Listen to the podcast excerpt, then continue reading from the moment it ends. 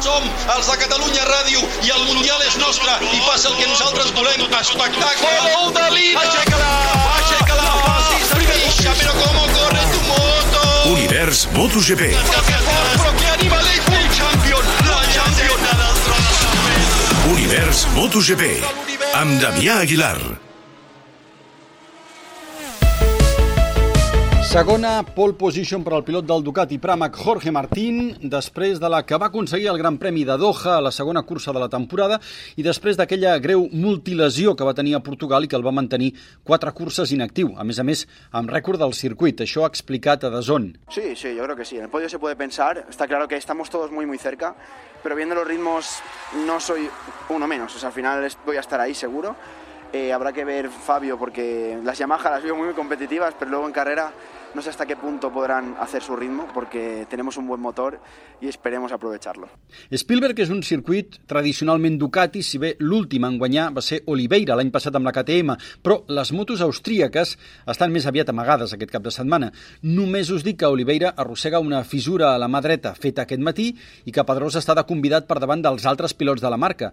I més d'Oliveira, portarà un guix a la mà dreta tres setmanes i només se'l pot treure per agafar la moto. Aquesta versió de posar-se i treure's un guix no li recordo a cap pilot de MotoGP lesionat. En fi, fins ara Yamaha i Suzuki havien tret més al nas, però avui Ducati ha deixat les coses al seu lloc amb quatre motos italianes entre els sis primers. I aquest és el repàs de la graella, amb la segona pole position per Jorge Martín, amb Peco Bagnaia i Fabio Quartararo a la primera fila, a la segona hi ha Miller, Mir i Zarco, per tant aquestes quatre Ducati en les dues primeres files, amb la Yamaha de Quartararo i la Suzuki de Joan Mir. Tercera fila, tota de catalans, Aleix Espargaró, Marc Márquez i Maverick Viñales. A la quarta fila trobem Nakagami, Àlex Márquez i Oliveira. A la cinquena, una altra fila, tota de catalans amb rins Dani Pedrosa i Pol Espargaró. A la sisena fila, Binder, Rossi i Marini, a la setena Lecuona, Bastianini i Savadori i a la vuitena tancant Petrucci i un altre que corre convidat com és el provador de Yamaha, l'anglès Cal Carachlou. Univers MotoGP. En termes de ritme, Quartararo, Viñales i Mir el tenen molt bo, però hi ha força Ducatis entremig, com dèiem, i a més a més amenaça pluja. Tant que el líder Quartararo aposta perquè guanyi Márquez i no els seus rivals directes. En las condiciones mojadas las Ducati van muy bien.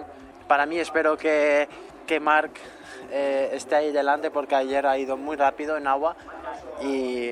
Si y- llueve, esperas que Marc te, te pueda hacer un favor, ¿no? Entonces. Exa- Exacto. Un favor para mí y una victoria para él. Estaría contento. Joan Mir se sent a les travesses pel seu ritme, Sí, crec que tenim una oportunitat molt bona. De sempre que, eh, que hem sortit en aquesta, en aquesta posició, sempre hem lluitat per, per, per el podi o per guanyar, no? És la, la millor posició que de tota la temporada.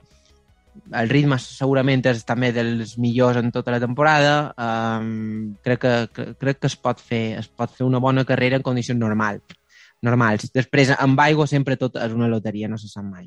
Márquez diu que està millor que un vuitè, veus l'octava posició i, i dius, eh, bueno, eh, regular, però, però bueno, eh, a nivell de ritme estem millor que, que vuitens, eh, crec que no he, no he pogut exprimir la moto al, al màxim i, i això pues, eh, ens penalitzarà una mica demà, però, però bueno, eh, optimista, amb ganes de, de fer la cursa i, i bueno, a veure si podem anar endavant i, i acabar-la amb un bon resultat. Maverick Viñales té una certa brillantor als ulls, Quan més tard frenis i abans la paris, més ràpid gires.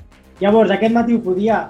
Era ràpid amb, amb, amb aquesta zona que nosaltres li diem trail break, però que, aquesta tarda era molt lent, m'anava tot el rato ja. Llavors, quan he entrat al quali, intentava frenar com aquest matí, no podia. I això ja t'ha tret molta confiança.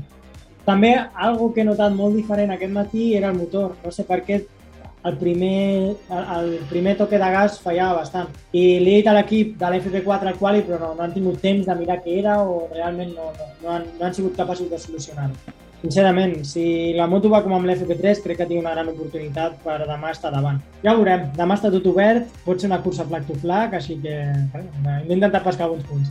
Viñales ha dit que l'any que ve serà a MotoGP. Avui KTM ha confirmat Raúl Fernández per al segon equip, el Tec Trois, i Valentino Rossi ja va dir ahir que la seva segona Ducati no era per Viñales, del seu equip em refereixo.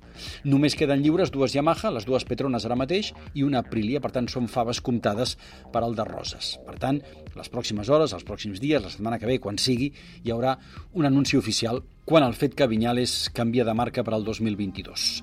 A Dazón, per cert, li han demanat a Dani Pedrosa si li venen ganes de tornar. Ya, desde la tele puede ser más divertido, pero desde, desde el pilotaje no tanto. No te entra el gusanillo de volver, de momento.